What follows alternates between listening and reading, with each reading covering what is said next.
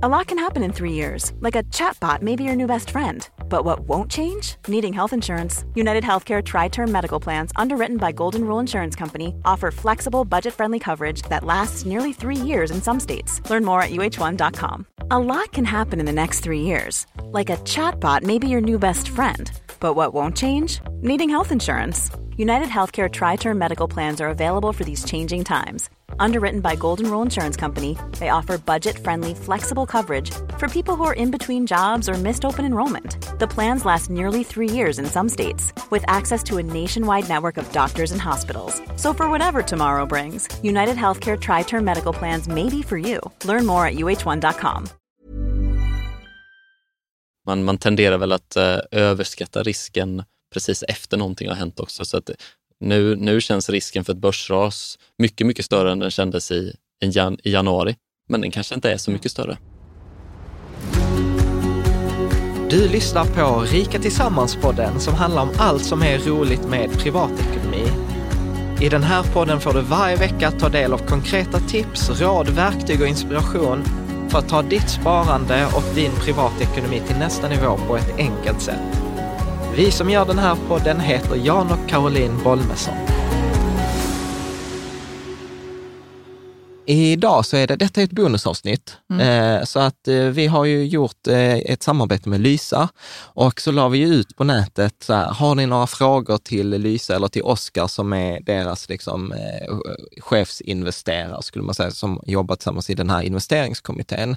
Och då fick vi, jag tror det var så här 77 frågor som jag skrev ner och så var det liksom ytterligare ett antal frågor. Som och sen liksom, hade du eh, Ja. 33 frågor till. Ja, precis. Så att eh, då har vi liksom delat upp det i två avsnitt. Så att du har avsnitt 163 som är mer ett samtal mellan oss och Oskar som inte är så mycket läsarfrågor. Och detta avsnittet är i princip bara frågor från er tittare och lyssnare mm. och er på Patreon och Facebook på andra ställen. Och jag måste säga så att jag uppskattar jättemycket alla de här frågorna, för många gånger är det frågor som jag inte ens har tänkt på själv eh, faktiskt.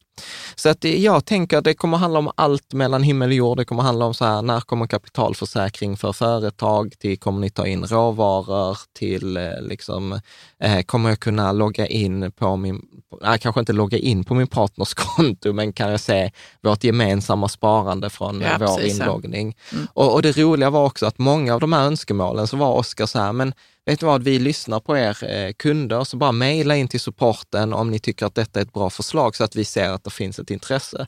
Så där är vissa... det ska man göra för nu har de, nu har de nyanställt någon, Nå, någon ja, precis. Till supporten, så de, de bara sitter och väntar, väntar ja, liksom, så på att få feedback. Så är det alltså tydligt, så jag tror liksom en av de här grejerna vi tog med oss här var att har du ett önskemål här som säger ah, men det där låter som det är en bra idé, det skulle jag också vilja ha. Så lägg ett mejl då till kontaktet lysa.se så, så ser vi om vi kan eh, få liksom igenom några av de här önskemålen som mm. jag tycker har varit coolt. Så att jag tänker att vi släpper på eh, Oskar. Det, detta är som sagt samarbete med Lysa. Vi har en sponsrad länk i anslutning till beskrivningen. Vi hoppas att du gillar avsnittet, så varsågod. Varmt välkommen Oskar Björklund. Tack. Du är ju vd på Lysa Fonder. Eh, du har en lång bakgrund i finansbranschen på Brummer Partners och på iSettle och eh, du är ju en kär gäst. Vi har ju redan haft ett avsnitt där vi har pratat om liksom filosofi och strategier. Och i detta avsnittet tänkte jag att vi ska prata läsarfrågor. Spännande. Ja. Så jag tänker väl eh, egentligen att vi hoppar rakt in i det. Ja, vad vill du börja med, Jan? Jag tänker att du kan börja här med Cecilia Gardner Larssons på fråga. Facebook, Facebook har hon skrivit. Ja. Varför ska man använda Lysa istället för egna portföljer? För och nackdelar och vad kostar det? Vi kan börja med Grundläggande frågor. ja. ja, vi kan börja med den lättaste frågan först. Mm. Vi tar, eh, Lysa tar aldrig mer än 0,24 och, och vi har en uh, liten steg också så att det blir något billigare desto mer pengar man sätter in på plattformen. Mm. Eh, därtill kommer ju också underliggande avgifter som är mellan 0,1 procent och 0,17 som mest. Så att, eh, upp, eh, strax under 0,40 är totalavgiften man betalar då, inklusive transaktionskostnader. Sen på frågan varför man ska ha Lysa så, så tycker jag väl att man kan fundera på vad, vad är vilka problem är det vi löser? Och det är genom problemen vi löser för våra kunder som vi skapar värde. Mm. Och eh, där löser vi problemen eh, gällande att förstå vilken typ av portfölj man ska ha. Det är, det är inte trivialt eh, som, som privatperson att förstå hur mycket risk kan jag ta? Vilka faktorer är det som spelar in och är, och är viktiga att ta hänsyn till när man bedömer hur mycket risk? Och där har vi ett, en, ett onboardingflöde där man går igenom och svarar på frågor så vi kan ta ställning till vad man har för risktolerans, ekonomisk situation och kanske framförallt placeringshorisont. Och det, det är de här olika aspekterna som väger samman till hur mycket risk man kan ha i sin portfölj. Då. Alltså hur mycket aktieexponering i förhållande till ränteexponering. Och där kan man ju vara helt, helt ny på Absolut. det här med investeringar och det, man behöver inte kunna så mycket. Nej. Jag, jag det är fantastiskt alltid, tycker jag. Jag brukar alltid få skit. Jag brukar alltid få höra så här, du är en sån här vandrande reklampelare för Lysa. Men, ja. men jag, jag gillar ju Lysa för att det är så här one stop shop. Alltså så här, gå dit, eh, sätt igång och spara och sen behöver du inte tänka på det på tio år. Nej, och, mm. och, och det är ju också forskningsbaserat. Ju. Ja, mm. och, och, det är väl egentligen, eh, så, vad är nackdelarna med Lysa? Nackdelarna med Lysa? Eh, vi, vi har ju en slogan, kanske fel ord, men vi, vi brukar slänga oss med termen smart sparande inte spännande. Mm. Så om man tycker att det är väldigt kul med sparande och vill, vill ha det som en del av sitt fritidsintresse och, och kanske söker spänning, då kanske man bör ha en liten del av sin portfölj som en eh, lekhink eller, mm. eller göra det själv. Och, och, på samma sätt så finns det ett utbildande värde i att lära sig vad ett bolag gör och, och ta ställning till, är det här ett bolag jag tror kommer vara eh, framgångsrikt om tio år eller inte? Så det kan finnas fördelar med att faktiskt sätta sig in i hur aktiemarknaden fungerar, hur bolag fungerar och, och investera vid sidan om en tjänst som Lysa som en robotförvaltare och vill ta ett helhetsgrepp om, om ett effektivt sparande till låga kostnader. Om jag ska spela djävulens advokat här så tycker jag ju så här att både för, den stora för och nackdelen är ju bristen på valmöjlighet. För i och med att jag inte kan välja något, utan nu säger så är det så här, jag får det ni erbjuder och jag kan inte göra några avsteg från det. Och det är på, på ett sätt är det ju väldigt positivt, för det blir väldigt, väldigt svårt att göra fel. Mm. Utan jag kommer ju få det sparande som går i linje med forskningen. Men om jag har en annan åsikt, till exempel som vi pratade om i förra avsnittet, om man har en annan syn på till exempel guld eller råvaror, så blir det ju väldigt fyrkantigt, för då, då får jag ju inte det hos er. Eh, det stämmer. Liksom, ja. det stämmer. Och, och där, där kan man ju, eh, även om man vill ha guld i sin portfölj eller råvaror, så kan man ju eh, så tycker jag att man ska ha en bas i indexfonder mm. och då kan man ju välja att göra det själv, sitta och göra eh, den researchen som krävs för att hitta rätt fonder, byta ut fonder vid behov, ombalansera vid behov och så vidare i den delen av sin portfölj på en annan plattform. Eller så kan man sätta den delen av sin portfölj hos Lysa och så gör vi de grejerna åt, Men kan du inte bara kort säga, vad är det man får egentligen? När man har svarat på frågorna? Ja, exakt. Så, onboardingprocessen är klar. Så när, när, man är helt klar att svara på frågorna, då får man en rekommendation om aktier och räntor. Och så att man landar på 50-50. Då, så. Och, då mm. får man, och så sätter man in pengar och där har vi skapat ett, en möjlighet att sätta in pengar på lite olika sätt för att göra det så smidigt som möjligt för kunden. Man kan göra det via bankgiro, autogiro eller swisha in pengar. Eh, och när man har gjort en insättning, så det första som händer är att eh, vår eh, investeringsplattform eller vår eh, fondrobot Eh, känner av vad har du för fördelning som vi har rekommenderat dig eller målfördel, vald målfördelning och investera de pengarna utefter den målfördelningen. Så du, den kommer automatiskt investera hälften av ditt kapital i, i aktier och hälften i räntor. Skulle det vara så att du har pengar sedan tidigare och det har varit en liten värdeförändring på, den, på de innehaven så att du faktiskt ligger på 49 procent aktier och 51 procent räntor, då kommer insättningen automatiskt omallokeras så att du är tillbaka på 50-50 igen. Mm. Men där, det, alltså ett vanligt missförstånd eh, som jag möter hos, det, det är så här, men vad gör den där roboten? Alltså så här, vad, vad väljer den mellan? Och så upplever jag att man har den här missuppfattningen att att eh, liksom, vi har pratat om aktiv förvaltning, att liksom, det finns någon person som ska försöka förutsäga framtiden och så, nej men det är dåligt, så nu låter man en dator mm. göra den förutsägelsen. Och så brukar jag säga så här, nej, alltså Lysas robot är ju stendum för att den bara fördelar pengarna i fonder som har valts av oftast Absolut. dig och ja. Eh, den kommittén ja, som, som, ni, som ni har. Eh, bra. Så att jag tänker egentligen att vi skulle kunna fortsätta här då med Ulfs fråga mm. från Patreon. Ja. Berätta om Lysas placeringsstrategi i allmänhet när det gäller aktier och räntor till exempel. När vi håller där. Så Ja, om du okej. skulle, vad är, placer, vad, är, vad är placeringsstrategin? Ja, Mm. Så för aktier så vill vi hålla marknadsportföljen eller en portfölj som är så lik marknadsportföljen som det är rimligt att åstadkomma utefter de förutsättningar vi har. Och, och då, när jag pratar om förutsättningar, då menar jag tillgång till eh, olika tillgångslag och eh, avgift till exempel. Och vad är marknadsportfölj bara? Så att vi. Marknadsportföljen är ett, eh, ett, eh, eh, marknadsviktat tvärsnitt av hela världens alla bolag. Och, och det förstår man rätt snabbt att vi kan inte äga en andel i alla bolag i hela världen, utan vi måste först kanske begränsa oss till de börsnoterade bolagen. Det kanske finns marknader, specifika länder som Sydkorea, där vi inte har möjlighet att äga aktier för att det finns regulatoriska svårigheter. Men, men då, då säger vi att vi vill ha ett så stort och brett tvärsnitt av den investerbara marknaden som möjligt. Och det in, in, in, inkluderar både stora, medel och små bolag och det inkluderar både utvecklade och utvecklingsmarknader. Och det är ju det som vi pratade i förra avsnittet också, det är ju det som forskningen säger har bäst odds. Ja. Nu kommer nördfrågan här, så nu kommer vi dyka, detta är inte en nybörjarfråga, utan detta är Ulf är ju väldigt insatt. Ulf på Patreon, ja. Ulf på Patreon, för då fortsätter han så här, så berätta hur skiljer sig denna placeringsstrategin mot att jag väljer till exempel Länsförsäkringar, global indexnära och lägger till AMF Räntefond Mix, vilket ger mig en lägre avgift än, för då får jag 0,22 plus 0,1. Liksom. Just det. Eh, nej, det, som sagt, Ulf är insatt. Eh, ja.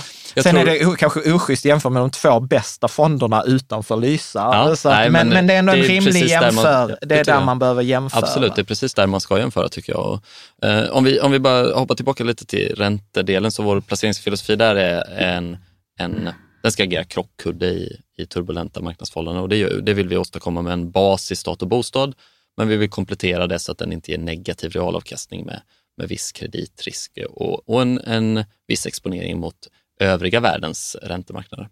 Men om man tittar då på, på just de här två fonderna, Länsförsäkringar, eh, global indexnära, så är ju det en, vad man kallar en global indexfond eh, och kanske den vanligaste typen av global indexfond som, som investerar i stora och medelstora bolag, men inte småbolag, på eh, jag tror 20 till 25 utvecklade marknader. Så, så den här Eh, fonden innehåller ungefär 1600 bolag. En jättefin och jättebra fond. Men, men om man väljer att investera i Lysas aktiefond eller använda Lysa som, som investeringsplattform, då får man en, en aktiefond som består av ungefär 6 000 bolag som investerar i små, medel och, eh, och stora bolag på både de 20 till 25 utvecklade marknaderna, men också på utvecklingsmarknaderna. Så vi får en exponering som är mot fler regioner och mot en större variation av bolag med avseende på storlek. Så det är väl de stora skillnaderna. Och, och för det så, nu, nu är det en liten skillnad i kostnad då. Eh, Jag tror Länsförsäkringar kostar 20 punkter och de underliggande avgifterna för, för Lysas eh, fond är ungefär 13 punkter. Då. Men för att kunna erbjuda den här tjänsten med ombalansering, med, med hantering av eh, pengaflöden, Swish som vi nämnde tidigare, eller andra insättningsflöden och, och från ax till limpa då, så, så tar vi också ut en avgift som går för att finansiera Lysas verksamhet på upp till 0,24. Mm. Så totalavgiften blir lite högre men man får en a- avsevärt bredare portfölj. Mm. Och man får också det här konceptet med ombalansering automatiskt mellan aktier och räntor. Ja, och sen, sen ska man faktiskt inte underskatta heller, jag, jag håller ju med, anledningen till varför till exempel vi, vi har valt det, det är ju så att då behöver jag inte ens kunna välja ut, alltså nu Länsförsäkringar Global Indexnära, där finns ju 51 andra fonder som man kan Absolut. välja fel. Mm. Eh, nu, nu vet vi att Global Indexnära är bland de bästa. Men en grej som jag brukar argumentera för er är ju att att ränte, alltså så här, jag tycker när jag började investera så tyckte jag så här, aktiefonder är ju det svåra, räntefonder är ganska lätt. Idag så här 20, 20 år senare så är jag så här, aktiefonder är ganska lätt om man jämför med räntefonder. Absolut. Och då upplever jag så här att jag kan inte sätta ihop en lika bra ränteportfölj som ni kan göra för att ni kommer åt andra typer av fonder som jag inte kommer åt. Just det. Skulle du hålla med om den eller? Jo, men eh, det, det tror jag absolut är en av fördelarna med, med eh, det konceptet vi har valt för investeringar, alltså ett fondkoncept och fond i fondkoncept. När vi sätter ihop en fond, då agerar vi som en institutionell aktör. Mm. Så vi poolar alla våra kunders kapital och ger oss ut på kapitalmarknaderna och letar efter de allra bästa fonderna och ETFerna. Och vi kan sköta förhandlingar med, med mottagande fondbolag då, eller de som levererar den här produkten till oss som en institutionell aktör med, med ett välkänt koncept. Så vi, ja. vi, kan få, vi kan få både tillgång till och bra rabatter hos, hos väldigt många stora och effektivt ja. förvaltade fonder. Precis, för jag tänker så här, mm. Vanguard-fonder är svåra att komma åt själv. Ja. Dimensional-fonder är helt omöjliga att komma åt. Finns de i Lysa? Eller nej? Jo, ni har ju någon ja. Vanguard-fond. Jag vet, blev det någon Dimension? Jag vet att du och jag pratade om det. Ja, men absolut. Så vi valde att investera i en eh, en global räntefond som Dimensional har. Ja, och det finns ju, och det finns, mm. för det vet jag var en stor diskussion i våras vi hade på bloggen, så här, en global räntefond. Mm. Nej, precis, ja. och, och det är de, de flesta stora aktörer säger, att man måste committa en, en viss del kapital för att ens få tillgång till. Och sen har de ofta rabatter om man, om man är en större spelare och mm. även där börjar vi komma, komma framåt nu och bli en, en ganska stor eh, spelare så att vi kan direkt börja prata om, om institutionella andelsklasser ja. där vi kan få rabatter som vi ger direkt tillbaka till våra kunder. Ja. Mm. Så jag, jag, brukar, jag brukar väl säga så här, nej men är, har man Ulfs kompetens och sånt, kan man komma undan med att göra en portfölj billigare, då tror jag att jag räknade fram så här, jag, jag, jag kan sätta ihop en nästan så här 95 procent lik portfölj för kanske 0,31, 0,29, alltså mm. typ 12-13 punkter billigare. Men där det faller för mig är ju så här, ja men då ska de 0,13 eh, bekosta all den tiden, all den kompetensen och liksom det. Och där upplever jag, det är därför jag tycker Lysa ja, nej, men är Du är väldigt noga med din tid också, vad Jag är sjukt mm. noga med min tid. Mm. Mm. Ja, och, och fördelen blir då att vi har ett antal kunder som har placerat mer än 30 eller uppåt 50 miljoner hos oss. De har samma förvaltning som de som har placerat 10 000 ja. och vi vi lägger, det är samma fonder, så vi kommer lägga lika mycket tid på att utveckla investeringserbjudandet så man får tillgång till ja. precis samma, samma typ och dessutom av fonder. Kan, och dessutom kan man börja från 100 kronor. Så, vilket är ju så här, annars mm. kan du bara ha 100 kronor i Länsförsäkringen. Ja. Jag kan ta Gustav här, för jag bara ja. korta ner Gustavs fråga på Patreon. Det hade varit kul om det finns eh, eh, möjlighet att få en portfölj som är mer lik de globala indexfonderna och nu är vi inne på det där mindre Sverige. Så mm. bara vi har pratat om det i det andra ja. kort avsnittet, men du kan säga så här, nej, just nu blir det inte mer Sverige. Nej, mindre Sverige. Exakt, så just i dagsläget så har vi valt en, en home bias då, som man kallar det på ungefär 20 procent. Eh, för att eh, det finns vissa fördelar med att vara investerad mm. mot svenska marknaden när andra investerare är så tungt investerade mot svenska marknaden. Mm. Mm. Så jag tänker Emil Wikström hade på Facebook hade samma fråga, så vi hänvisar till det andra eh, avsnittet. Ska du ta Emil Wikströms nästa fråga? På Facebook. Vad ja. är den förväntade avkastningen hos Lysa på aktier och räntor? Ja, så vi kan hålla där. Så vad är den förväntade avkastningen? Men vi, har, vi har satt samman portföljer, en, en aktieportfölj som ska spegla den globala aktiemarknaden och vi, vi eh, har en förväntad avkastning eh, globalt på en, mellan 7-8 procent årligen. Det här kan ju givetvis svänga väldigt mycket från år till år och eh, Stockholmsbörsens bästa år tror jag är närmare 70 procent och sämsta mm. år minus 40 procent. Så att, eh, det, Men man räknar under lång tid? Under långa tidsperioder mm. så är det 78. Mm. På räntesidan så, så vill vi ha en produkt som ger en positiv realavkastning så man kanske kan förvänta sig 1-2 procent per år i, i avkastning på den produkten. Mm. mm. Sen kommer här Andreas eh, fråga. Ja, eh. vad är risk egentligen? Jag kan intuitivt förstå att det är högre risk om man köper en lott än det är med en bra portfölj. Men jag förstår inte hur man kan sätta en objektiv och entydig siffra på det så att man kan jämföra två investeringar med varandra. Det låter som ett viktigt verktyg att ha när man försöker bygga en bra portfölj. Oerhört viktigt. Ja.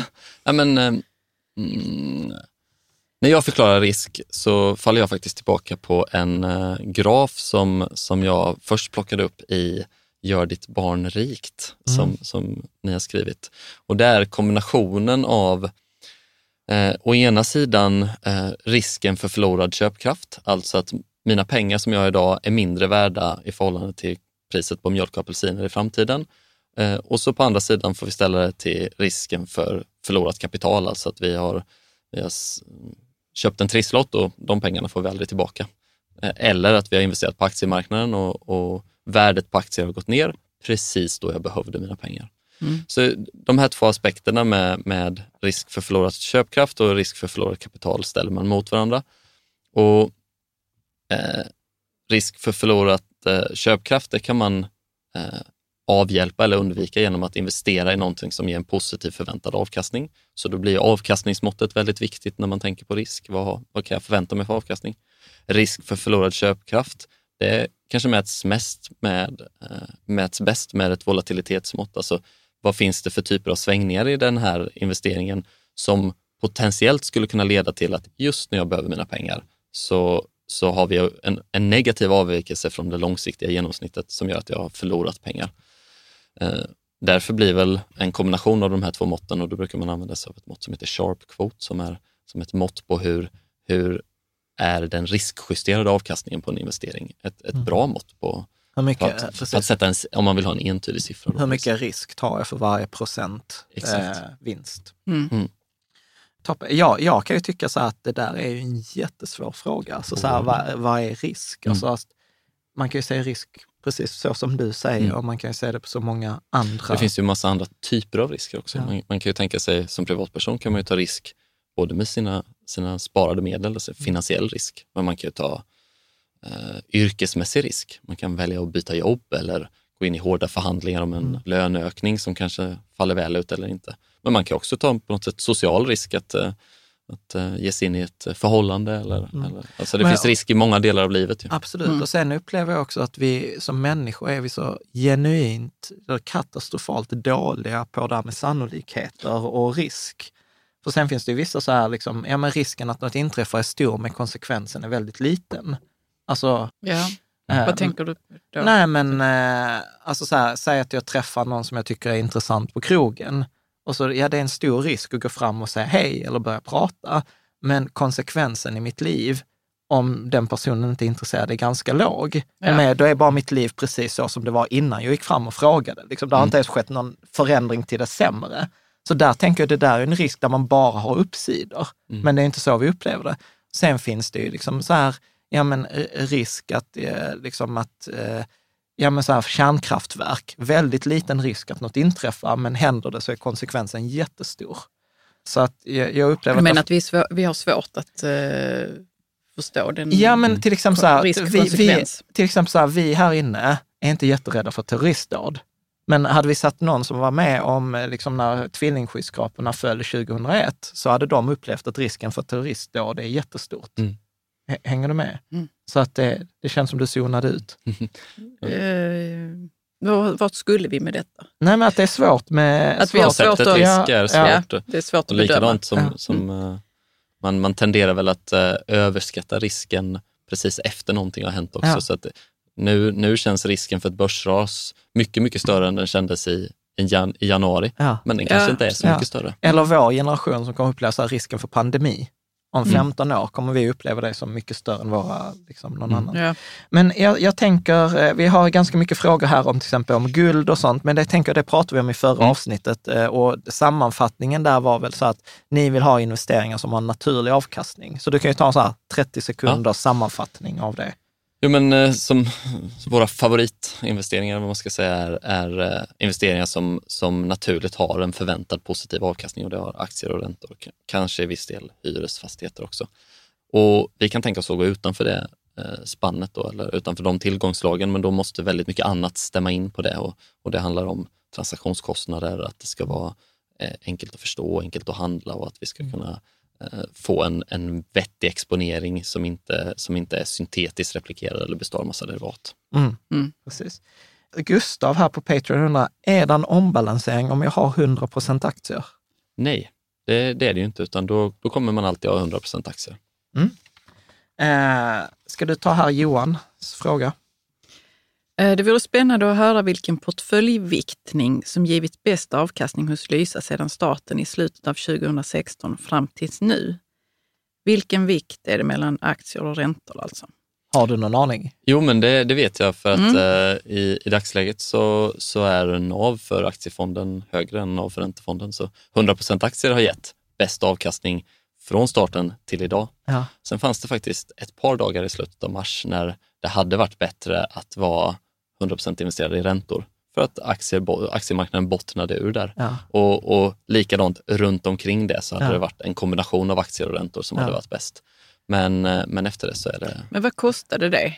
egentligen, de dagarna när det bottnade på aktiemarknaden. För det måste ju kostat någonting för... Vad tänker du kostat? Jo, men så att man förlorar liksom ett värde i den, alltså i den portföljen där Mm. man har bara 100 procent. Alltså vi la ju 30 procent ner. Jo, jo, men vi har ju pratat tidigare om att då måste man liksom, om man ska ta igen det som man har förlorat så måste man ju upp mycket högre än, än 30 procent då Mm. till Ja. exempel. Så att det är en kostnad med det. Att det går ner. Så, Ja. eller, Ja, nej, jag, förstår, ute och reser. ja, jag, jag, jag, vet För inte om du förstår jo, frågan. Men är det så här, inte att om vi säger att man har då sin portfölj med 100 rän- eh, eh, Ja. aktier, eh, den går ner 30% i värde, ja, då måste man ha mer än 30 procent för att komma tillbaka. Mm. ja. Ja. Eh, men ändå hade den gått bäst över tid. Ja. Ja. Ja. Nu är den ju inte upp på exakt samma nivåer som det var innan Ja. i slutet av februari, där, men, men vi har återhämtat Ja. mycket av det. Och det beror på för att den har gått upp från start. Ja. Så att Mm. den, den faller ju från en högre topp. Mm. Så Ja. därför är den fortfarande på, Mm. på plus. Tobias på Patreon, om man vill leva på avkastningen, hur ska fördelningen se ut och hur stor andel kan man ta ut per år? Alltså jag tror det är lite det här safe withdrawal rate Ja, som han är ute efter. Spännande. Det, det är faktiskt en fråga jag inte har stenkoll på, för jag tror Ja. att den ha- handlar väldigt mycket om individen. Ja. Eh, Det beror ju på hur mycket kapital man har, eh, hur mycket kostnader man har framför allt, alltså hur mycket behöver man ta ut varje år. Det är väldigt stor skillnad om man lever på 10 eller 50 000 i månaden. Ja, det finns säkert eh, oerhört många som har tankar på hur man ska lägga upp det. Och sen framförallt beror det på hur länge man ska ha de här pengarna. Men ni har väl också så här automatisk uttagsfunktion? Absolut. Vi har, För, för jag tänker att det är många som är så här, ekonomiskt sett, man lassar in allt kapital på det, så man gör någon så här bra inställning och Mm. sen plockar man ut Ja, varje ja. månad. Ja. Jag, jag tror vi faktiskt vi har ett avsnitt på det som heter så här uttagsstrategi avsnitt 46 Ja, eller okej. något sånt, Ja. för att eh, det är Mm. precis som du säger väldigt olika. Ja. Mm. Ska du ta den? Tobias på Patreon. Om man vill ta ut allt på ett slutdatum, kommer roboten att kunna vikta om fördelningen mellan aktier och räntor automatiskt fram tills dess? Det här är ju en, en funktion som vi tycker att, att eh, Vi borde ha. vi borde ha. Det är en absolut en funktion som vi vill ha i framtiden. Vi, eh, och den ligger på, på backloggen så att säga. Eh, Nu startade vi för ungefär tre år sedan, eller lite drygt tre år sedan och vi har väl inte prioriterat att, eh, att eh, göra uttagsstrategier som första gör, utan vi vill göra det bra att investera i första hand. Eh, Men det, det ligger på agendan och är absolut någonting vi kommer Ja. det göra som- i framtiden. Det är väl det som på engelska kallas target date funds. Exakt. Att jag ställer in så här, jag ska köpa en bil nästa födelsedag. Mm. Då så har man så viktar den runt. Och det, det, ja. Eller alltså, jag har ett sparande till barnen när de fyller 18. Så Exakt. ställer man in det 2037, då ska detta vara färdigt. Ja. Och standardjämförelsen kanske blir med AP7 som efter 55 års ålder Ja. kontinuerligt börjar vikta om mot räntor. Ja. Eh, och nu, det, så som det fungerar i dagsläget är att varje år, så vi, vi uppmanar ju att man ska ju åtminstone logga in en gång per år på plattformen, för då går man igenom eh, vårt frågepaket igen och svarar på lite uppdaterade kundkännedomsfrågor. Ja. Då ställer vi även frågorna om, om privat, eh, liksom privatekonomin och investeringshorisonten. Så om man kontinuerligt minskar sin investeringshorisont, då kommer vi förändra eh, vår, vår rådgivning och man kommer uppdatera sin portfölj en gång om året ungefär. Jag tänker väl å andra sidan verkar det ju inte vara, att- när vi pratar med Patrik, att det är ett problem att folk loggar in för sällan på plattformen. Nej. Är det fortfarande så att folk loggar in så flera gånger om dagen? Jo, men det finns absolut kunder som loggar in mer än en gång om dagen och, och det är många som loggar in relativt ofta. Det är så? Mm. Men vad gör man då? Man, titt- man kanske gläds åt sina pengar. Ja. Ja, eller, eller, får ångest. Jag hoppas man gläds mer än man får ångest. Det beror på vilken period Mm. det var. Bra. Ska du ta här Niklas på Patreon? Alltså de på, Ja. Pa- många på Patreon är sjukt insatta, så Ja. vi får ta det överkursfrågor. Okej, Niklas undrar. En annan fråga är diversifieringen mellan länder. Forskningen historiskt är ju entydig om att det är fördelaktigt, men, det, eh, men är inte världen och ekonomierna mer sammanflätade idag? Att det egentligen är ett nollsummespel? Kan det finnas en fördel att övervikta mot länder där chansen för tillväxt är större? Kan, men det, det är väl lite det här också med att eh, MSCI World är felviktat. Kan Ja. man ju ha en an, åsikt om. Absolut, det kan man, det kan man säkerligen Är det ha. en- världsindexet? Ja. Mm. Det är där med länderna. Ja, och, och de, de har ju skapat ett index utifrån investerbara börser och så liknande. Och det, det finns ju säkert länder där det finns eh, mm, företag och andra eh, delar av marknaden som inte är investerbar som kanske borde representeras i ett sånt här index. Eh, frågan fokuserar lite också på om, om världen är väldigt sammanlänkad, behöver man kan man övervikta länder eller, eller behöver man investera i hela världen? Jag tror att om, om, om man skulle göra den typen av val, då måste man vara, ha en väldigt stark åsikt om att en viss land eller viss region kommer att överprestera i framtiden. Och Det har ju visat sig historiskt att det är väldigt svårt att hitta de länderna och regionerna i förhand. Och Det kanske ter sig lätt efteråt att säga att jo, men just den här perioden skulle Kina överprestera eller Indien eller, eller något annat land. Eh, men ni har väl ändå tagit med mer tillväxtländer än MSCI World-indexet? Eh, det har vi absolut, och, och det, men, men MSCI har flera. Det finns ett, All ett annat, ja, det finns ett annat uh, MSCI-index som heter MSCI Acqui-IMI. Som, ja, som men det är den All ett, Country? Ja, all country Investable Markets och, mm. och, vi försöker ju snarare titta på ett sådant index då som är bredare. Ja. Men hur, hur sammanflätade är länderna egentligen? Alltså, det är ju väldigt svårt att svara på naturligtvis, men ja, du sa det i förra avsnittet Jan, att om eh, USA nyser så får Sverige förkylning. Ja, så att vi är sammanlänkade med den amerikanska marknaden, visst. Ja. Men jag vet inte, jag bara tycker det är en sån jätte... Det är ingen konstig fråga, men ett komplext svar. Det är ett, ja, otroligt komplext. Det är ju ingen som men, vet. Men, men det är ju väl... bara att titta, alltså, så här, återigen, jag gillar ju det som du också är inne på, att förstå vad är det egentligen. Men ta till exempel mm. ett flygplan, Boeing. Mm. Du vet, problemet vi hade nu under coronakrisen var ju så att du fick ju inte delar, för du vet ett flygplan kan bestå av tiotusentals delar. Och de, alla de delarna tillverkas liksom där det är billigast eller där det är mm. bäst så här. Och då är det delar från Kina, från Frankrike, från Sverige. Så det är klart att om Boeing går dåligt, du vet, det kan drabba ett mekanisk verkstad i Eslöv. Ja. Alltså, så, att, så att det är där ja. sammanflätningen ligger. Mm. mm. Eh, så det är så det, blir, det ser ut. Ja. Kan ju, kan ju också tänka sig att nu, nu har vi valt en, en homebias på ungefär 20 procent. Ja. Men eh, Sverige är ett väldigt exportberoende land som har öppna gränser och handlar väldigt mycket med andra länder. Hade man haft en 20 procent homebias i ett land som var väldigt lokalt, som hade mycket mer lokal marknad och mindre export och import, då kanske den eh, homebiasen, homebiasen hade varit mer svängig och, ja. och mer faktiskt fokuserad på det egna landet medan vår, vår vikt mot Sverige kanske är ganska global i sin natur. Ja, precis. Mm. Henrik på Patreon. Ja, han, han undrar så här. Det vore kul att höra mer om effekten av ombalansering och om en 90-10-portfölj kan tendera att ge samma avkastning som 100-0, men med lägre risk. Mm. Över eh, väldigt långa perioder så, så eh, ger ju 100% aktier eh, högst avkastning. Men, men eh, det man är ute efter här antar jag är den så, så matematiska effekten av att övervikta aktier när, när de känns undervärderade relativt räntor eller undervikta när de känns övervärderade eller relativt sin egen målportfölj. Ja. Eh, jag, jag, vet faktiskt inte hur, vad det finns för exakta siffror och vad man har studerat Nej, där? Eh, jag, jag tror alltså så här, mycket 90-10, eh, så vet jag att när vi tittar på, på, på det med uttagsstrategier, mm. så har en 90-10-portfölj har en högre survival rate än en 100-0. För en 100-0 har perioder då den exploderar. Mm. Liksom, och då klarar du, om du då ska leva på avkastningen från den portföljen, mm. så klarar du inte det vissa år. Och då, då kom man fram till att 90-10 var en bättre portfölj utifrån det perspektivet, mm. men inte utifrån ett högst avkastning, utan liksom kunna ta ut. Mm. Och sen tror jag också att det ligger i 90-10, ligger i den effekten. Warren Buffett sa det i sitt testamente, att mina pengar ska förvaltas 90 procent mm. i en indexfond och 10 procent i en räntefond. Men där handlar det också om likviditet. Mm. Att om du ska göra uttag så kan du ta ut pengarna från räntefonden så att du inte behöver sälja aktier en dålig period. Mm.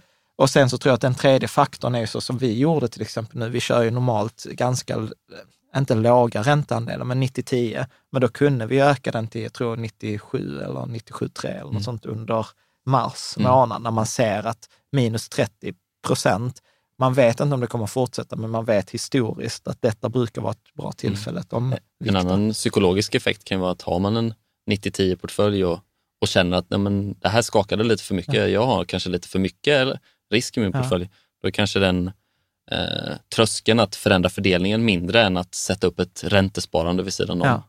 Och, eh, och den sista, alltså beteendemässigt psykologiska faktorn är ju att när man då jämför 90-10-portfölj så kommer man hos er och på alla andra ställen i en nedgång gå bättre än index. Mm.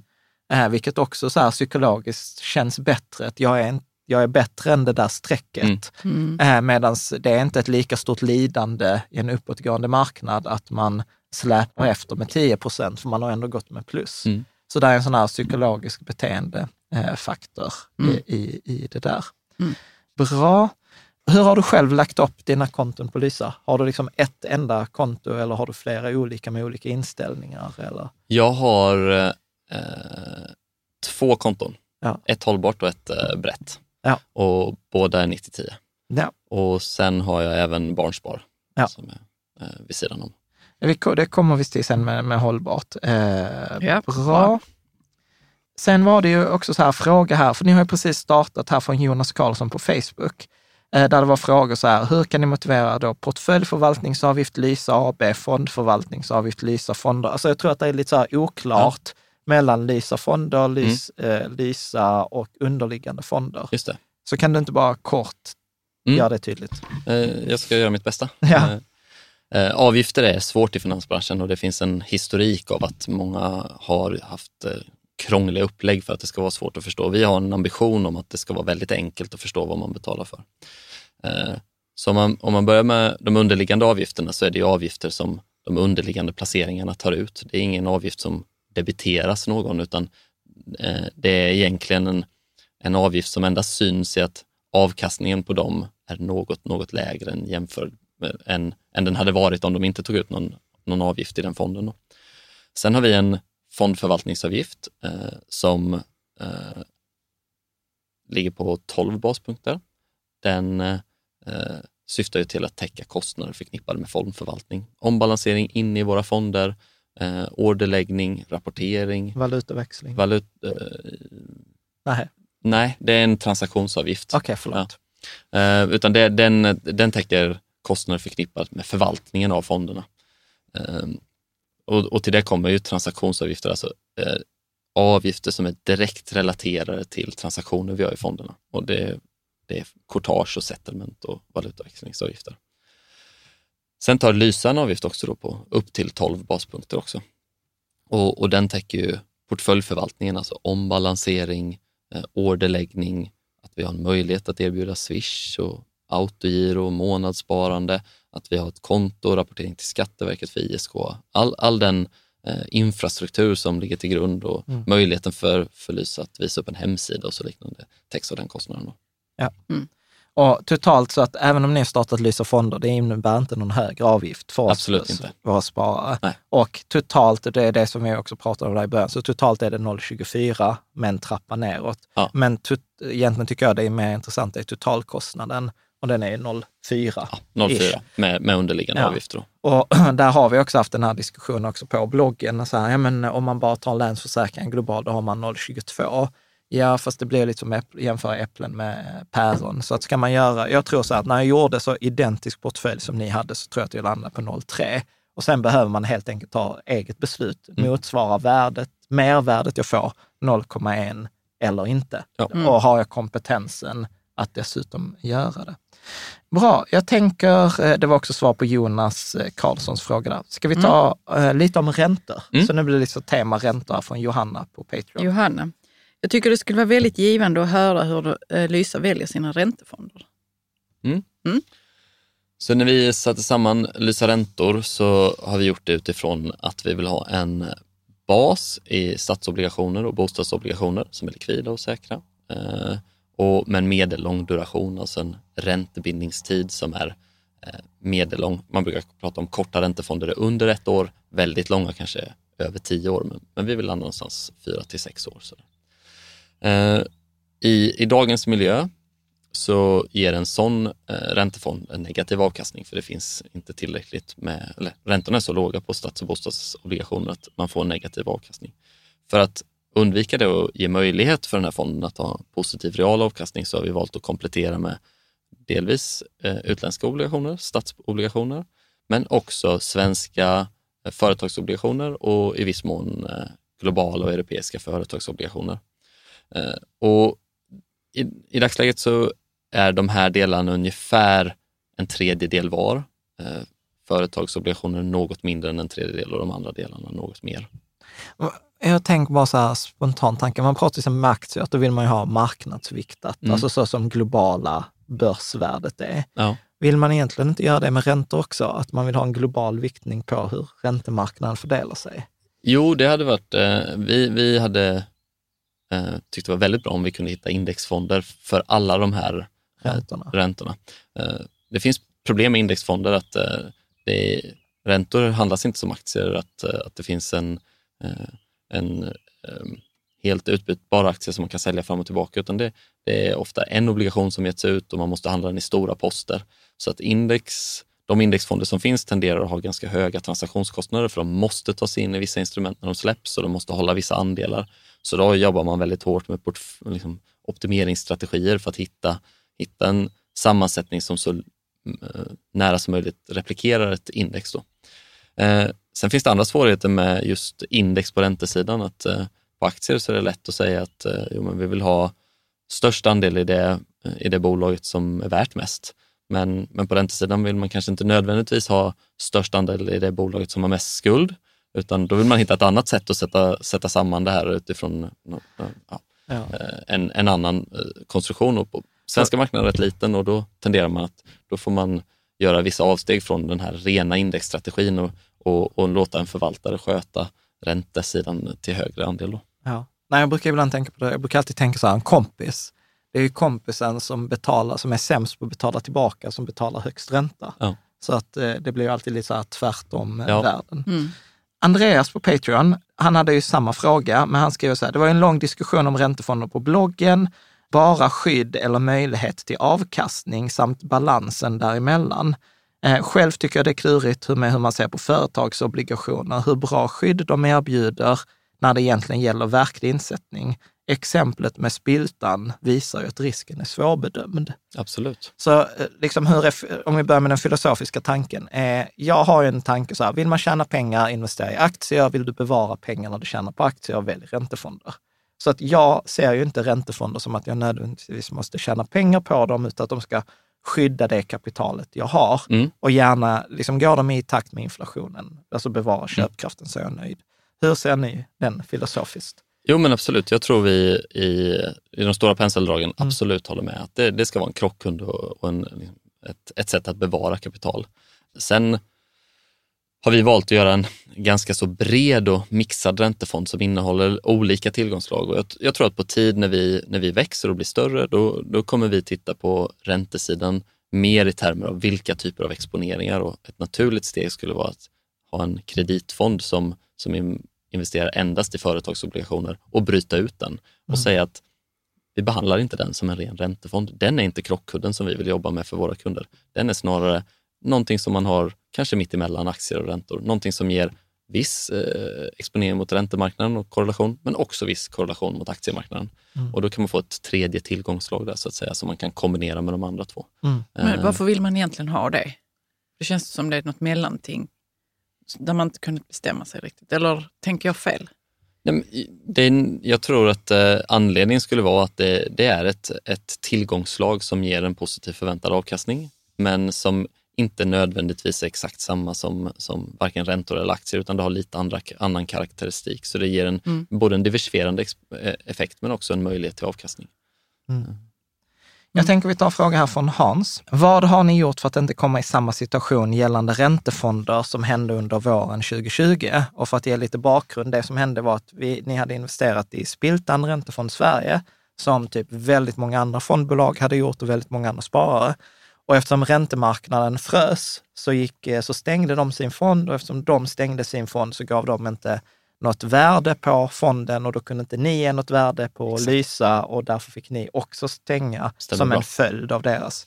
Så Och vad- vad, är, vad är konsekvensen av det då? Det att vi kunde inte ta ut våra pengar, vi kunde inte Nej. ombalansera. Så Hans fråga är så här, Mm. vad har ni gjort? Och vi ville komma åt våra pengar för att vi kanske ville sätta, ja, men om ombalansera man till skulle, fler aktier ja, eller om man skulle vilja ta ut dem så gick Ja. inte det. Mm. Nej. Så vad var insikten och vad har ni gjort annorlunda? Eh, vår investering i Spiltan var vårt eh, mest, eh, ett av de två mest riskfyllda innehaven i räntefonden. Så vi, vi var medvetna om att det här är en, en fond med hög kreditexponering, så inte en av de här blocken som ska ge skydd mot, mot svängningar på aktiemarknaden.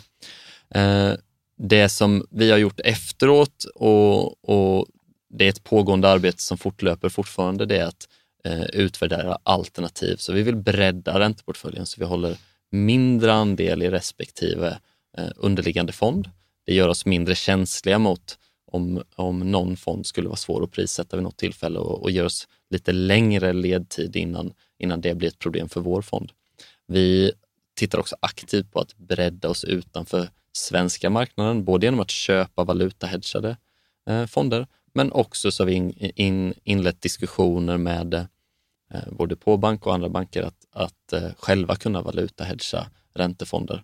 För det ger oss en möjlighet att titta på mer global palett, och, men ändå ge en, en, en exponering i svenska kronor så vi slipper valutarisken. Mm. Så det, det, det, är det pågående arbetet, att bredda och titta mer globalt. Mm. För det där är också sån, apropå omöjlig grej som privatperson, att valutahedga. Mm. För det tittade jag på vid något tillfälle och var så här, nej, det, nej. det går. Det går inte. Ska du ta Christians fråga? Ja, nu är vi inne på hållbarhet då. Ja. Mm. Eh, kul! Utropstecken. Senaste forskningen rörande hållbara investeringar hade varit intressant att höra om och hur de i så fall använder den forskningen i eh, den, de hållbara investeringarna. Ja, men så jag tror vi nämnde vid tidigare avsnitt så är ju forskningen kanske något kluven kring hållbara investeringar och, och eh, på vilket sätt är man som investerare mest effektiv? Eh, ska, man, ska man investera allt sitt kapital hållbart eller ska man investera det så billigt som möjligt och skänka pengar till välgörenhet? Det finns eh, väldigt mycket åsikter och kanske inte så mycket konsensus kring vad är mest effektivt.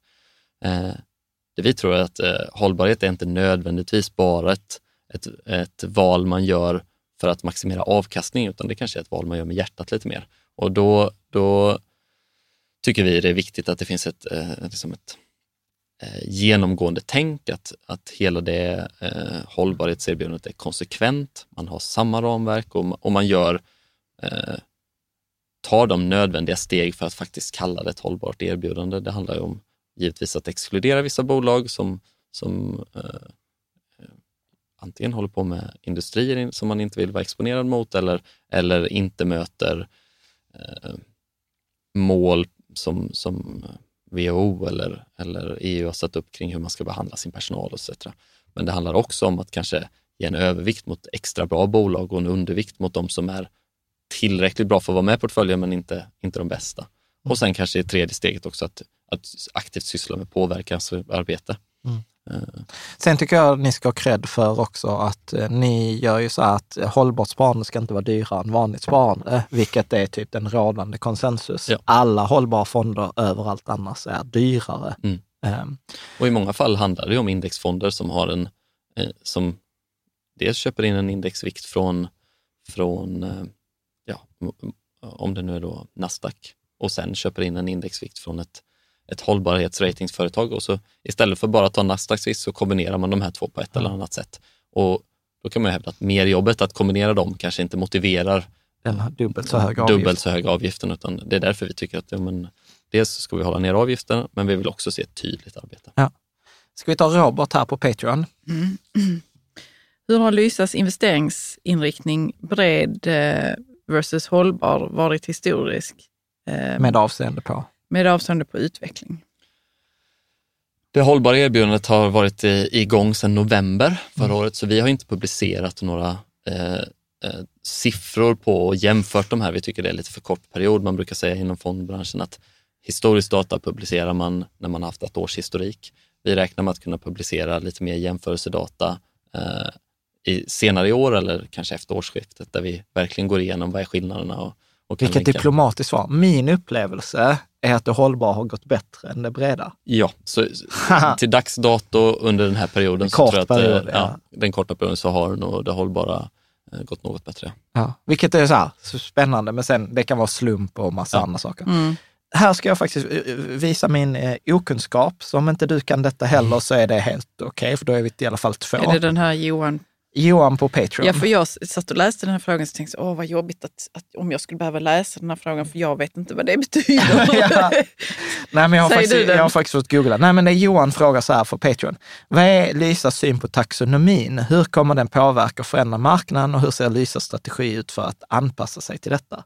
Och taxonomin, det tror jag är den här nya EU-lagstiftningen om hållbarhet som ska börja gälla 2021 och vara implementerad 2022 eller tvärtom. Ja, något, Något- sånt. något det har sånt. skjutits också vid något Ja. tillfälle tror jag. jag tror, eh, min uppfattning är att taxonomin syftar mest kring rapportering om hållbarhet. Mm. Hur ska fonder och finansiella aktörer eh, mäta och rapportera? Och sen kommer det säkert finnas krav på om man ska få kalla sig hållbar så måste man uppnå vissa mål. Ja, så som jag förstår så Ja, ska man bidra till ett av de här sex målen och man får inte sabba i något av de andra. Mm. Så du ska vara neutral i de som du är dålig och de här på. målen, det är de, de hållbarhetsmålen. Ja, jag tror att enkelt. det är sex eller sju Ja. områden Ja, men jag tror det också. som de har riktat. Jag ska vara helt, jag har inte läst på detta, Mm. utan jag fick, när Johan skrev detta så var jag så här bara, oj, oj, oj, detta har jag missat. Vi är allmänt positiva till all harmonisering på hållbarhetsområdet. För någonting vi har lärt oss under föregående år när vi, när vi tittade på att lansera ett hållbart erbjudande är att det är väldigt spretigt. Alla aktörer på finansmarknaden har sin egen definition om vad hållbarhet innebär och använder det som en reklampelare.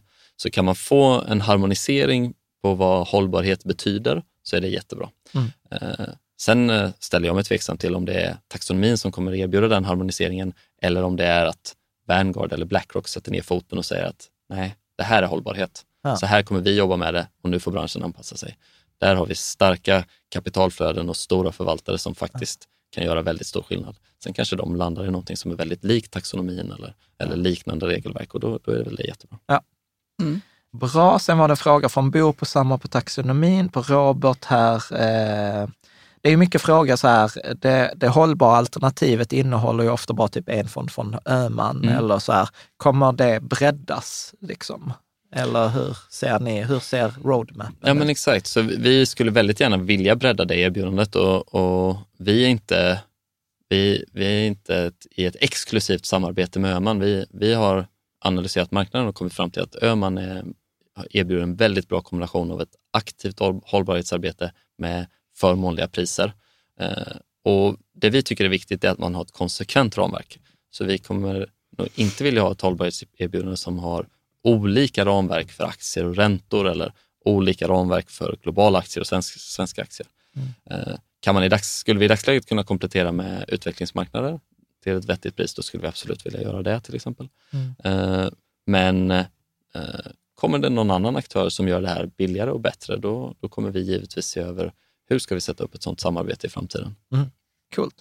Sen eh, kommer det massor av frågor om guld och uttagsstrategier, men det har vi ju pratat om. Det, alltså det är den vanligaste frågan, så här, när kommer guld? Men det har, det har vi avhandlat. Ehm, bra. Eh, vi har eh, här från Per-Johan på Patreon. Ja, och nu är vi inne på utveckling. Ja, det är så här, Lisa, vart är ni på Ja. väg? Du vet, Ja. mycket, här, här kommer mycket så här, kundönskemål Ja, det är och bra. projekt, Mm, projektledning.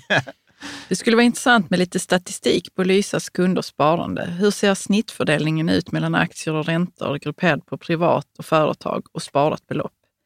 Beloppen skulle kunna vara... Ja, och sen gav han en massa intervall. Okej. Ja, men hur, ser, Men hur, ser, då. hur, hur är snittkunden? Ja, Kan du inte om, vi, beskriva? om vi håller det lite basic så Ja. snittfördelningen den är ungefär 69 procent aktier, Okej. 31 procent ränta, 68, komma någonting eh, Mm. procent aktier. Ehm,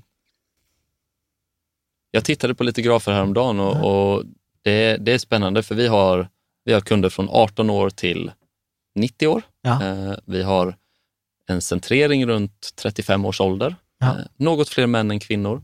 Eh, kapitalet däremot är lite äldre. Så att det är personer runt 45 år som står för merparten av kapitalet, även om de är färre till antalet. Eh, jag tror inte vi har en snittkund. Vi vill erbjuda en jättebred portfölj som ska passa vilken sparare som helst, gammal eller ung, eh, riskavert eller risksökande. Um, jag, Mm.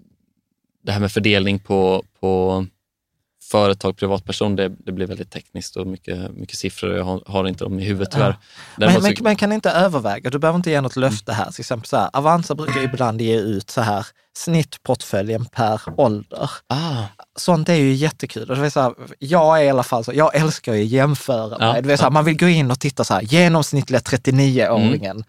Har jag mer eller mindre? Har jag en aggressivare eller lägre Ja. fördelning? det kan vi nog absolut ta fram. Snittrisk per åldersintervall, det kanske vi till och med kan publicera på webben till, Ja. till, till det här avsnittet kommer ut. Ja, Eh, eller skicka över. ja. Eh, vi har en, en annan eh, siffra som vi ibland på, på skoj lite följer och det är vad är den genomsnittliga avvikelsen från vår rekommendation som. Eh, eh, våra kunder tar när de signar Så- upp så- eller när de Precis, så att om, jag får, om ni säger så här, du borde ha 70-30 och Mm. jag väljer 100-0. Ja, Ja. då är det Ja, en stor ja, avvikelse. 30, 30 procentenheters avvikelse.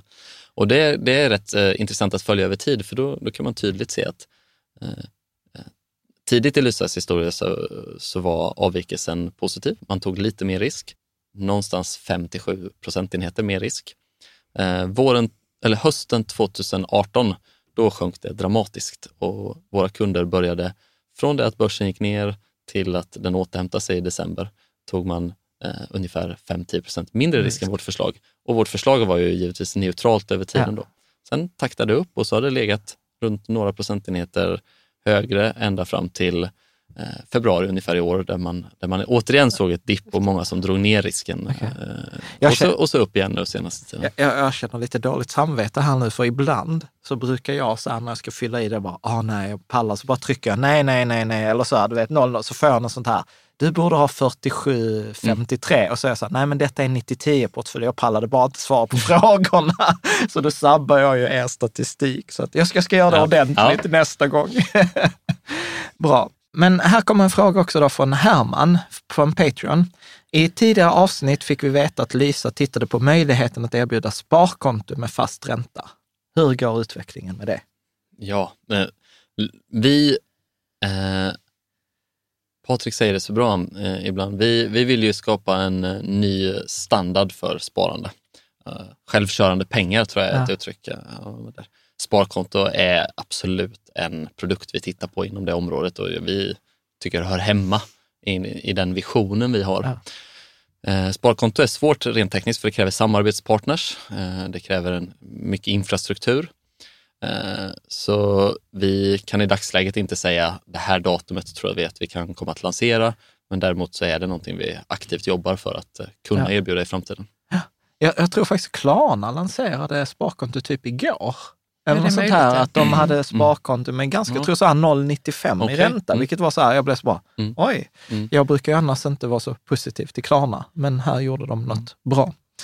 Jim, eh, här, jag bor utomlands, expansionsplaner, kommer det finnas möjlighet att spara i andra valutor? Mm. Vi tittar för närvarande på att expandera till eh, nordiska grannländer, eh, Mm. framförallt Danmark och Finland. Och hoppas att kunna ha något erbjudande ute under året i de två länderna. Det kommer inte vara ett fullfjädrat erbjudande från start, men, Ja. men Men En Finland har. Finland har euro. Kommer jag kunna då spara i, i finska euros? vi, vi, kommer, vi kommer inte erbjuda svenska kunder möjligheten att eh, investera i andelsklasser i andra valutor. eh, Utan det, det svenska erbjudandet kommer inte påverkas av, av att vi eh, går in i andra valutor. Förutom att vi kommer få en ökat kapital och bättre förhandlingsförmåga gentemot tredjepartsleverantörer. Okay. Men är Åland svenskt eller finskt? Hur är det nu med det? Tror jag. Jag vet Åland. Jag, jag vet inte, det var så här Hur är det om man bor på Åland? Ja, då är man ju, då är man, ju- då är man ju, våra kompisar som bor på, eh, detta är lite sjukt, jag känner oproportionerligt många från Åland. Jo, för det är många som har flyttat dit också. Ja. Ja, men de de vet flesta, inte vad de har Jag- flyttat men jag, ifrån. Nej, men jag blev så förvånad till exempel när Mats, bara, en kompis, så bara ska vi resa, så bara drar han fram ett finskt pass. Mhm. Och han var liksom född och uppvuxen på Åland. Ja. Mm, mm. Eh, eh, Johan på Patreon, Alexander på Patreon, här kommer här önskemål. Tjänstepension.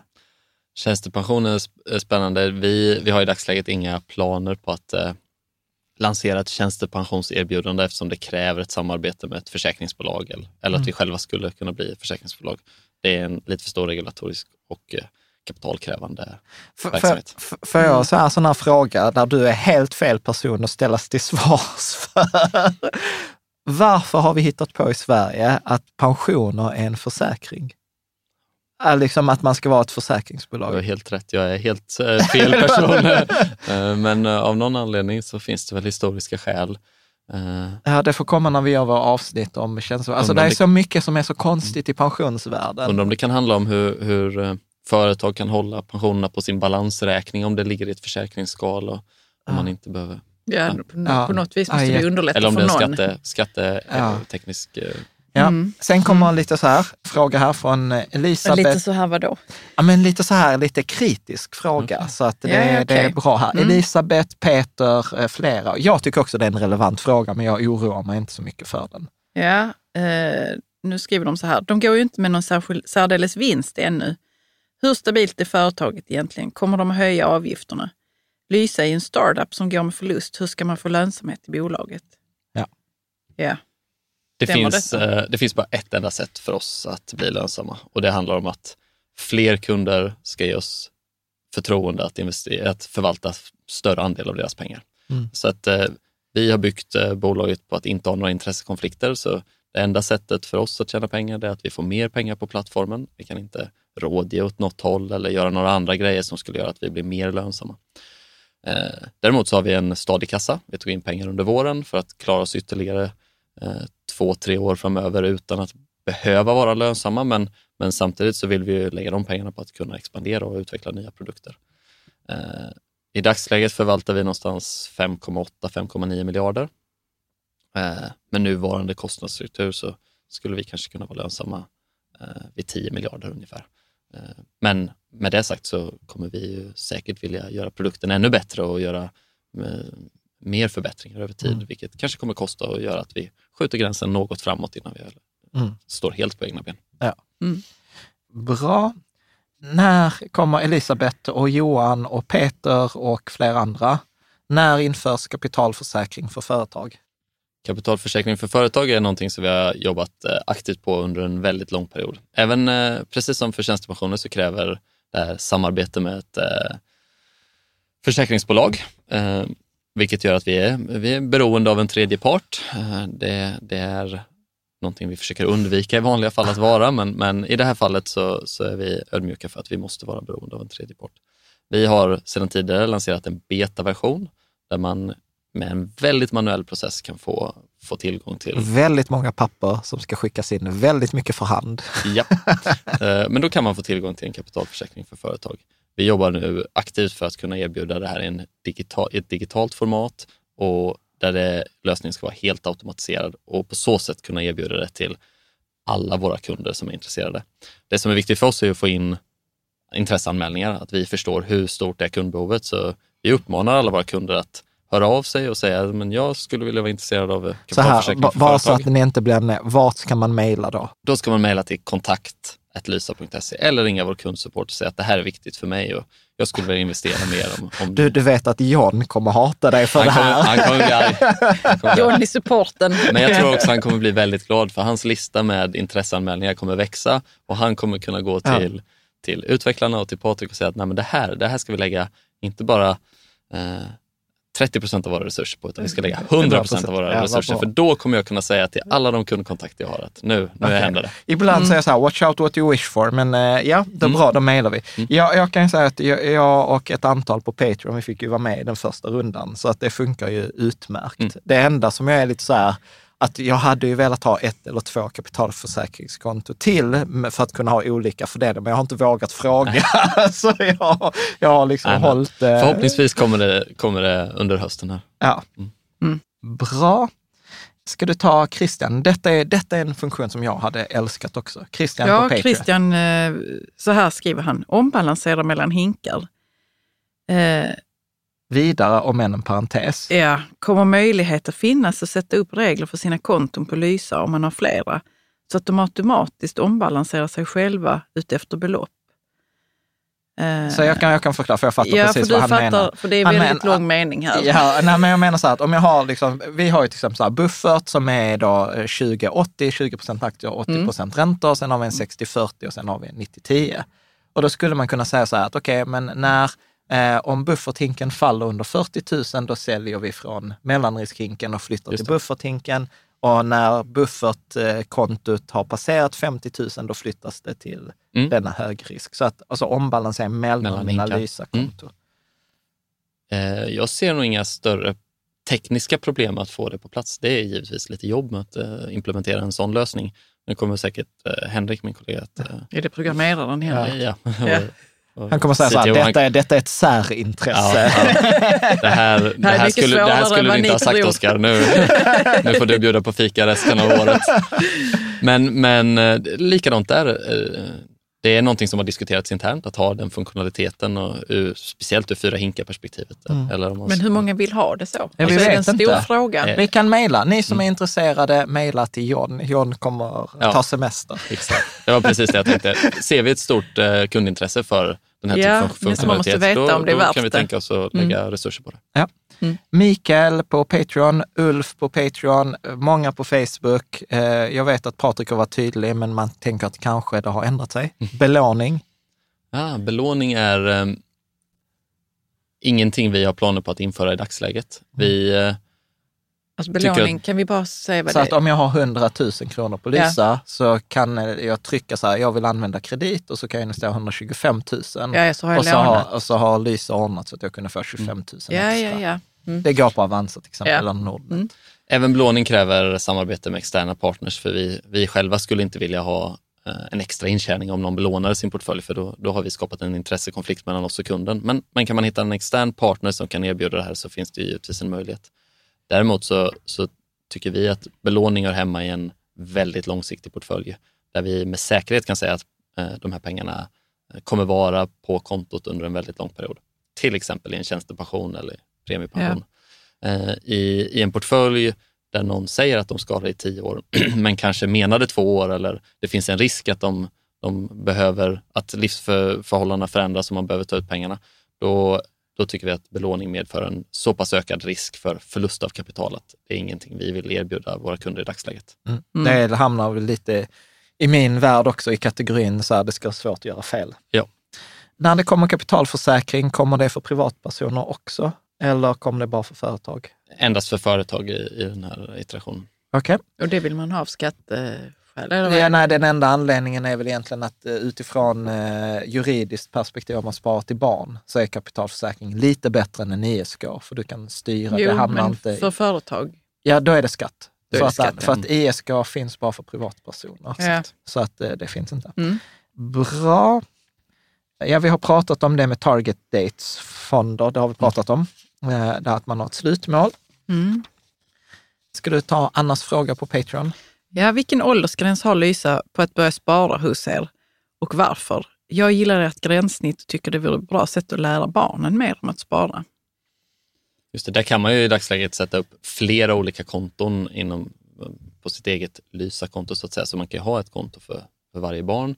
Eh, och, men däremot så, så måste man nog vara 18 år tror jag. För att, för att öppna Och det, det har nog att göra med ISK-reglering snarare ja. än LYSA-reglering. Ja, precis. Sen, sen ska jag faktiskt säga att min, min åsikt är att man ska spara till barnen, alltså inte spara med dem utan till dem, att man ska spara i en klump. Just det. För Om man har fler barn, ja. För att jag brukar dra exempel med mig själv och min bror, där min bror, han är född fyra år senare, han är född 85, så han fyllde 18 2003 och jag är född 81, så jag fyllde 18 99. Mm. Och hade man sparat lika mycket så hade jag en tusenlapp i månaden mellan 1981 och 1999 så hade det varit 2,7 miljoner. Vilket jag har berättat för mamma som brukar titta på avsnitten att det hade varit trevligt. Mm. Nej, jag bara skojar. Eh, Medan eh, min bror som är född 85 hade bara fått 600 000. Mm. Långt mycket mer än de 120 man hade, eller de 200 yeah. man sätter jo, men... in, men det kan bli väldigt mm. orättvist. Yeah. Eh, sen kom Ulf en fråga om sparkonto igen. Ja, du ser sparkonto. Eh, Christian här har en fråga. Här tror jag, detta är en ganska vanlig missuppfattning faktiskt, så att detta tror jag är bra. Hur är det med bankgaranti? Är det något man behöver ta ställning till eller kan man slänga in flera miljoner utan att oroa sig? Eh, bankgaranti, då förutsätter jag, du, jag gör ett antagande här och förutsätter att vi pratar om insättningsgarantin. Ja, det trodde jag med. Ja, men det är en vanlig mm. fråga. Ja, insättningsgarantin gäller ju för pengar som är placerade på ett, ett Lysa-ägt konto. Så, eller ett bankkonto. Eller ett bankkonto, ja. Eh, och insättningsgarantin är viktig eh, för att mellan det att man har swishat in eller satt över med, med bankgiroöverföring eller autogiro tills det att de är placerade i, pengarna är placerade i respektive fond så, så kommer de här pengarna mellanlanda på ett klientmedelskonto kallar det. Och där täcks vi av insättningsgarantin. Så skulle någonting hända med Lysa eh, eller, eller Danske Bank som tillhandahåller det kontot under tiden så garanterar staten upp till 950 kronor. Då. 950 000. 000. Ja, viktigt. Ja. ja. Eh, efter det så, så är inte insättningsgarantin applicerbar för då har vi ett, ett annat eh, förhållande mellan eh, oss som fondbolag och spararen som fondandelsägare. Så då har vi gett ut fondandelar i, i, i ersättning mot det kapitalet vi har fått in. De fondandelarna ägs alltid av, av eh, mm. fondandelsägaren och det är ingen annan som kan göra anspråk på dem. Däremot så finns det ett investerarskydd som kan vara aktuellt och det är om, om det skulle Eh, ni säger att ni ger ut fondandelar men inte gör det. Inte gör det, så täcker staten en, en viss del. 250 000 står det. det, är det mm. Men det där är ett vanligt, alltså, så det där är grundregeln, jag har stött på det jätteofta, att så fort pengarna är investerade i en fond, och det spelar ingen roll om det är Lysa, det är samma sak på Avanza mm. eller på Swedbank eller någon annan, så slutar insättningsgarantin att gälla. Mm. Och därefter gäller bara investerarskyddet och det gäller bara upp till 250 000 mm. kronor. Eh, bra. Eh, fullmakt för att kunna ha ett gemensamt konto. Så till exempel om man har ett gemensamt sparande just mm. nu, så till exempel hos oss så står det ju i ditt namn på vårt privatsparande. Och eh, jag tror inte ens jag kan logga in. Jag, nej, jag, kan, jag brukar få använda ditt. Min bank ja, alltså kommer man kunna, mm. att jag kan logga in och se våra pengar. Ja, men eh, John kommer bli jätteglad igen. Jag ja. tror det är någonting vi absolut skulle kunna tänka oss att lägga resurser på om, vi, om det fanns ett tillräckligt stort stor efterfrågan ja. bland kunderna. Men så. har ni inte så, du vet vissa så här IT-företag brukar ha sån här önskelista. Ja, kan, kan man inte ha någon sån här? Jo, men det har vi nog absolut. Eh, Klara som är produktägare hos oss har en, en gedigen önskelista. Ja. Det, det är nog bara att eh, just fullmakt, sparkonto. Eh, den typen av grejer är lite större. Ja. Så de, de, kan inte hamna på en sån här önskelista som snabbt går att åtgärda, nej, utan, nej, nej. utan snarare hamnar de på projekt som måste prioriteras. Ja. Men vad är det som talar emot egentligen att man skulle vilja ha? Att det är bara att det tar tid att utveckla. Ja, ja. Alltså är mm. detta det som man får mest värde för? Mm. Ja, alltså, okay. Eh, liksom. mm. eh, bra, jag tänker här eh, några av de sista frågorna. Eh, Mattias Öhman på Facebook, han undrar, eh, skulle det gå att implementera sharp-kvot eller så att det går lätt att jämföra sin portfölj med till exempel Avanza? Eh, det är också en sån grej kanske? Nej, men det där tror jag absolut, det är någonting vi, vi tänker aktivt på. Hur ska vi kunna göra det enklare att, eh, att um, analysera och se på vad vi faktiskt levererar? Vi håller eh, i dagsläget på att jobba, jobba lite på ett projekt internt som vi kallar för Genomlysa. Ja. Som är trademark till, till Noac som, som är vår kommunikationsansvarig för det fantastiska namnet. Ja. Där vi vill göra det lättare för våra kunder att förstå vad avkastningen som vi levererar kommer ifrån. Mm. Eh, där, där tycker jag att Sharpquote absolut hör hemma, precis ja. som andra typer av eh, kanske riskmått eller avkastningsmått. Ja. Uh, ska vi ta Libbe, här sista läsarfrågan? Ja. Yeah. Hur lång tid tar det att äga investeringen när man swishar? Hur lång tid tar det? Ja, alltså från att jag har swishat ja. tills att jag är investerad. Mm. Mm. I normalfallet är det så att eh, om man swishar innan klockan 16 så äger man fondandelar eh, någon gång på förmiddagen dagen efter beroende på när vi har gått igenom en avsättningsprocedur och så, och så vidare. Och då gör man det till kursen som råder på kvällen den dagen man swishar in. Eh, sen kan det finnas undantagsfall om, om, eh, om man råkar swisha 15.59.59 så kanske tekniska infrastrukturen inte hinner med eller om man swishar ett extremt stort belopp så kan det finnas undantag där också. Ja. Men normalfallet innan 16 på morgonen dagen ja. efter till kursen som rådde på kvällen. Efter 16 då skjuts allt en dag framåt. Ja. Kan man swisha mycket pengar alltså? Ja, du kan ändra det. Mm. Ja, för jag har nog inte gjort det någon gång. Men det var ju någonting som du ringde Patrik om just då när det var som värst med coronan. Ja. Du, du bara, nu så ska jag, jag ska sätta in mer pengar faktiskt. För nu ja, har det, det gått ner 30 Och då ringde in. du och frågade honom, när, vet, när kommer ja, men pengarna här, in ja, men, men, men, men det var ju så sjukt. Vi hade ju en period i mars eller i februari som var så sjuk. Alltså, du vet, det kunde ju slå på 10-12 procent ja, på Det var en vecka där som ja. studsade ja. verkligen. Ja, och, och då ville man inte hamna nej, och fel. Jag, och jag, vet att, jag vet att jag skulle sätta in typ 200 000 eller ganska mm. mycket pengar. Mm. Och jag vet att i ett av fallen så hamnade jag helt rätt och sen vet jag att jag gjorde en annan insättning och hamnade katastroffel. Liksom, I, timing liksom. I, i med timing. Och, och. Patrik där bara så här, väldigt diplomat, så bara, ja, vår tjänst är inte gjord för att försöka marknadstajma. Jag bara, nej, jag försöker inte tajma, men du vet, det är inte normalt att det slår på 30. Nej. Nej. Nu tänker jag, nu när vi har i princip pratat här i tre timmar, eh, är det någon fråga du tänker så här, Varför dök inte den då? ja precis, är det någon fråga du önskar att vi hade ställt? Ehm, inte direkt. Jag såg fram emot frågorna om eh, både drakportfölj och guld och råvaror. De har vi tagit upp. Ja. Jättebra frågor. Uh, likadant, eh, det är alltid bra att höra lyssnarnas önskemål eller Mm. era följares önskemål och kanske våra kunder i vissa fall också, Ja. deras önskemål på hur vi kan utveckla tjänsten. Så jag tycker det var ett väldigt bra fråga. Om du skulle rekommendera en bok, vad, eh, vilket så här boktips? Det kan vara precis vad som helst, behöver inte vara ekonomirelaterade. Vad- Får man rekommendera fler än en? Absolut, Ja. shoot. Jag eh, tyckte att eh, Flashboys av eh, Michael Lewis Ja. var en väldigt bra bok som handlar om högfrekvenshandel och hur marknaden för att handla finansiella instrument har förändrats över tid. Ja. Den tyckte jag var spännande. Sen, vi pratade lite poddar här i pausen och jag lyssnar ju en hel del på Kapitalet och Ja. då vill jag promota Jakob Burssells bok Risk som handlar om den svenska fonden eller investeringsbolaget Pond Capital Ja. eh, som var väldigt spännande. Och De har väl också så här högfrekvens, var inte de hade så här sjuka lönsamhetssiffror? Jo, absolut. De, har- några år var de väldigt, eh, väldigt framgångsrika på att eh, spekulera på skillnaden mellan eh, ETFer och underliggande, eh, liksom korgen av underliggande aktier, hur de skulle röra sig mot eller från varandra. Så Ja. tjänade väldigt mycket pengar.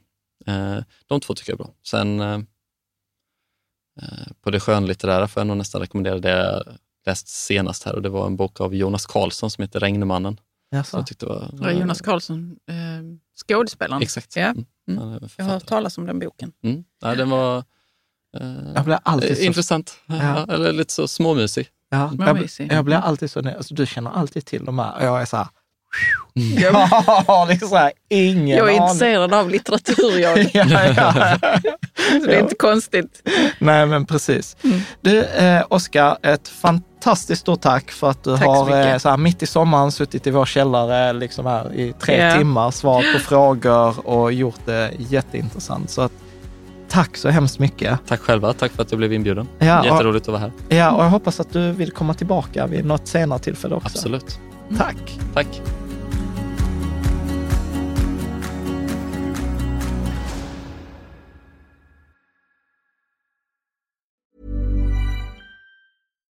Botox Cosmetic, out of botulinum toxin A, FDA approved for over 20 years. So, talk to your specialist to see if Botox Cosmetic is right for you.